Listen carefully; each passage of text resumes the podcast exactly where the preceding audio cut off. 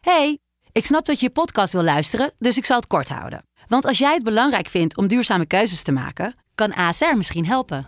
Nou hoor ik je denken, hoe dan?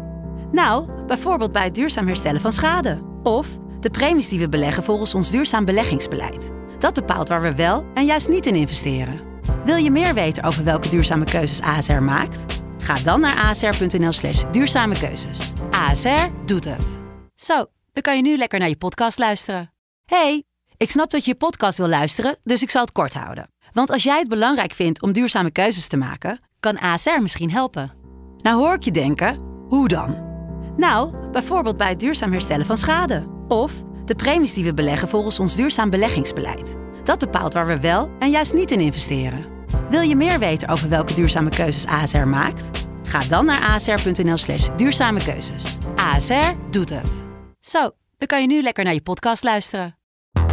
Dit is iets nieuws.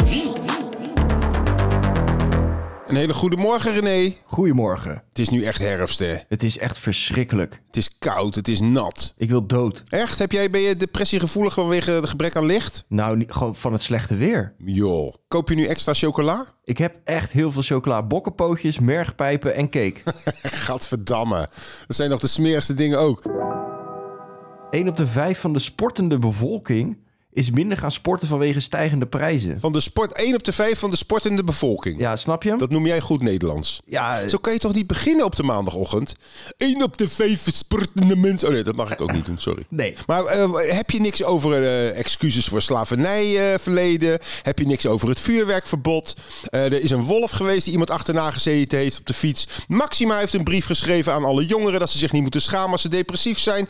Eh, de nieuwste trend is jezelf vastlijmen. Eh, het is van alles bekend over rug, zij of buikslapers. En jij kiest ervoor om het te gaan hebben over de stijgende prijzen bij de sportclubs. Ik word ook maar gestuurd door jou. Oh ja. Jij kiest toch het nieuws altijd? Jij bent toch zogenaamd eh, de, de aangever. Maar meneertje zit achter de schermen aan de touwtjes. Nee, dat, is, dat nieuws pakken we niet. Ik wil dit nieuws. Nou, ik vind het onwijs belangrijk nieuws, want Nederlanders worden veel te dik. Dus als we dan stoppen met sporten, worden we nog veel dikker. Ja, even voor de mensen uitleggen.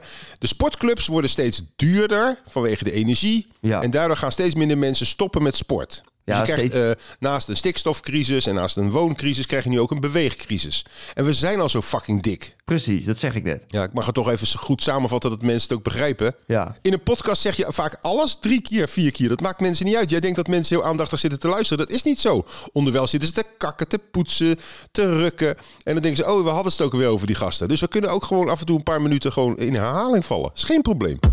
Douche jij wel eens op de sportclub? Heel vaak zelfs bij de sportschool, ja. Twee, drie keer per week. Echt? Ik doe dat echt nooit. Ik ben alleen niet zo blij met de shampoo die ze hebben. Pak jij de shampoo vandaar? Ja, die hangt daar gewoon in de muur. En waar gebruik je die shampoo voor? Ja, voor alles natuurlijk. Was, jij, eh, was jij je haar elke keer als je gesport hebt? Nou ja, was je haar. Je doet de sop in je haar en dan doe je de rest, toch? Met de schuim. Dus jij gebruikt je hoofd en je haar als een soort basis. Ja, jij weet natuurlijk niet hoe dat is.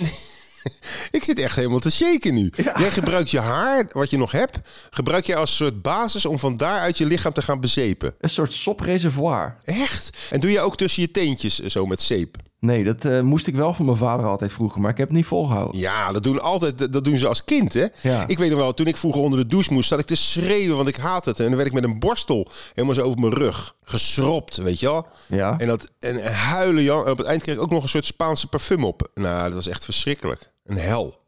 Dus ik heb daardoor een beetje een soort eh, Maarten van Rossum-achtige eh, hekel aan douchen doorgekregen. Alcohol op afbetaling eh, is een nieuw fenomeen en eh, experts zijn er tegen. Ja, Ja, wat is dit nou weer? Alcohol op afbetaling. dus dan ga Dat je... betekent gewoon dat je naar een bar gaat, heel veel gaat zuipen en dat je zegt... Ik, wil- morgen kom ik alles betalen.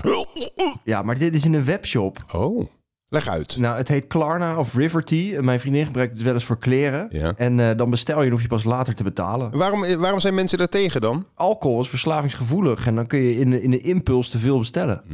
Ik vind het een beetje vergezocht dit. Ik vind het een beetje, weet je, spijkers op laag water zoeken. Als mensen willen zuipen, zuipen ze toch wel. Of het nou op afbetaling is of niet. Zuip jij wel eens te veel? Heel zelden. Ik vind alcohol eigenlijk gewoon niet, niet zo leuk meer ook. Als je ook ziet wat het effect is van alcohol, Ja. eh, het maakt mensen niet leuker. Nou, wel wat vrijer. Een beetje overmoedig Vecht, vechten ook vaak, agressief. Ik kom juist wel een beetje los. Ook voor iets nieuws zou ik eigenlijk ook een borrel moeten nemen. Maar word je agressiever als je alcohol hebt of minder agressief? Nou, ik ben nooit agressief. Ik ben heel agressief, zoals je weet, als ik nuchter ben. Ja. Hoeft maar dat te gebeuren of ik sta helemaal op tilt. Als ik dronken ben daarentegen, verander ik in een soort Jezus. Word ik op een, op een wang geslagen en dan keer ik eh, die andere wang met alle liefde toe. Hey, even nog over dat uitgestelde drinken. Betalen, ja. Uitgesteld betalen. Eh, ik vind dat dan beter om het uitgesteld drinken van te maken. Ja, dus dat je wel... Dus dat je niet op afbetaling drinkt, maar dat je zeg maar, ik heb nu zin in alcohol. En dan zeg je, ik neem het over een half uur. Om te kijken of je het dan nog steeds wil of zo. Ja, dat is vaak zo. Met roken heb ik dat ook, eh, zo ben ik gestopt. Dacht ik van ja, ik ben niet gestopt, ik, ik stel het gewoon even uit. En van een uitstel komt afstel. Ja. Snap je? Dus dan ben je er vanaf. Heb je last van een herfst- of winterdip? Koop dan een daglichtlamp, want die werken dus echt. Ja, dat is echt goed. Ik heb eh, mensen eh, in de nabijheid gehad, die hadden daar last van. Ja. En die kochten toen op een gegeven moment een daglichtlamp. En die zetten ze gewoon op tafel tijdens het ontbijt. Werkte fantastisch. En dan werden ze helemaal happy de peppy. Nou, niet gelijk, maar het scheelt wel. Kijk, ja, je kan gewoon door een tekort aan, aan daglicht... kan je eh, een beetje somber worden. En de ene is daar wat gevoeliger voor dan de ander. Ja. Je hebt ook daglichtwanden, hè? Dat het in je hele muur zit. Je hele muur is dat daglicht. Dat heet een raam. Je hebt... Gods. Kan het je mooi te pakken, hè, René? Je hebt ook veel mensen op het werk. Ik weet dat wij veel werkende mensen hebben als luisteraar... die onderweg naar hun werk zijn nu. Ja. Eh, als je op je werk te weinig daglicht hebt, heb ik ook wel eens ervaren... dan kan je via de Arbowet afdwingen dat daar daglichtlampen... want die zijn heel duur, hè? Zeg, een gewone lamp kost bijvoorbeeld 10 euro. Ja. En een daglichtlamp, daar zit geen UV-straling in... maar geeft wel de rest van het daglicht. eh, die kost iets van 90 euro. Dus die werkgever die denkt, ja, dag, want je kust eh, daglicht. Maar dat kan je afdwingen via de Arbo. Gewoon erop knallen. Jij hebt gewoon recht op daglicht. En als je weer ergens weggestopt bent achter een computertje zonder echt te veel daglicht of zonder raam, dan kan je gewoon hele dure daglichtlampen eh, bestellen.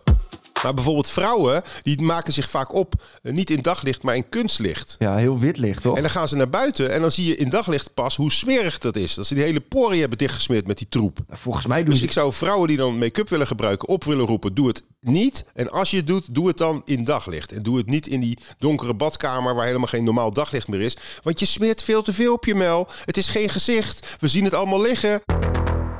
Er is een robot en die laat mensen het strand echt opruimen vanuit hun luie stoel, omdat ze dan een VR-bril op hebben. Snap je hem? Ja, dat is toch fantastisch. Dus je zit met je bril op en dan? Ja, je hebt een VR-bril op en dan laat je een robot rijden op het strand en die maakt daar schoon. Want ze hadden toch eerst geprobeerd om die robot gewoon autonoom te maken. Net zoals zo'n stofzuiger, zo'n ronde. Ja, de beachbot. Maar dat werkt niet op het strand. Want die hadden ze geloof ik twee weken laten rondlopen en had hij geloof ik zeven peukjes gevonden. Ja, in totaal heeft de robot in twee jaar 370 peuken opgeruimd. Dus dat is niet heel veel. Ja, dat is erg weinig. Dus nu hebben ze bedacht, het is ook leuk voor de mensen thuis. Die zitten dan lekker met hun dikke obese pens achter een computer met een VR-bril. Ja. Wel in de realiteit neem ik aan, hè, via een soort eh, webcam. Ja. En dan kan je die robot aansturen om het afval op te zoeken. Ja, en dat heeft ook te maken met het feit dat het voor de robot te moeilijk is om alle afval zeg maar, te onderscheiden. Omdat er te veel verschil tussen afval zit. Ja, we hebben er is dus toch een einde aan die algoritmes en in hoeverre je dat kan trainen. Dus we zijn eigenlijk ten onrechte zo bang voor algoritmes. Dat die, eh, de kunstmatige intelligentie, dat die alles overneemt van ons. Het algoritme stelt eigenlijk geen ene kut voor, zeg jij. Nou, of jij bent ten onrechte zo op- optimistisch steeds. Ik ben heel optimistisch. Luister, ik zie ineens allemaal mogelijkheden met je VR-bril. Kijk, ik heb het een keer met porno gezien bij een gezamenlijke vriend. Was ook Ja. wel waanzinnig. Dat ik dacht, wat Zeker. gebeurt hier, jongens? Waar ik ook kijk, ik zit in die pornofilm.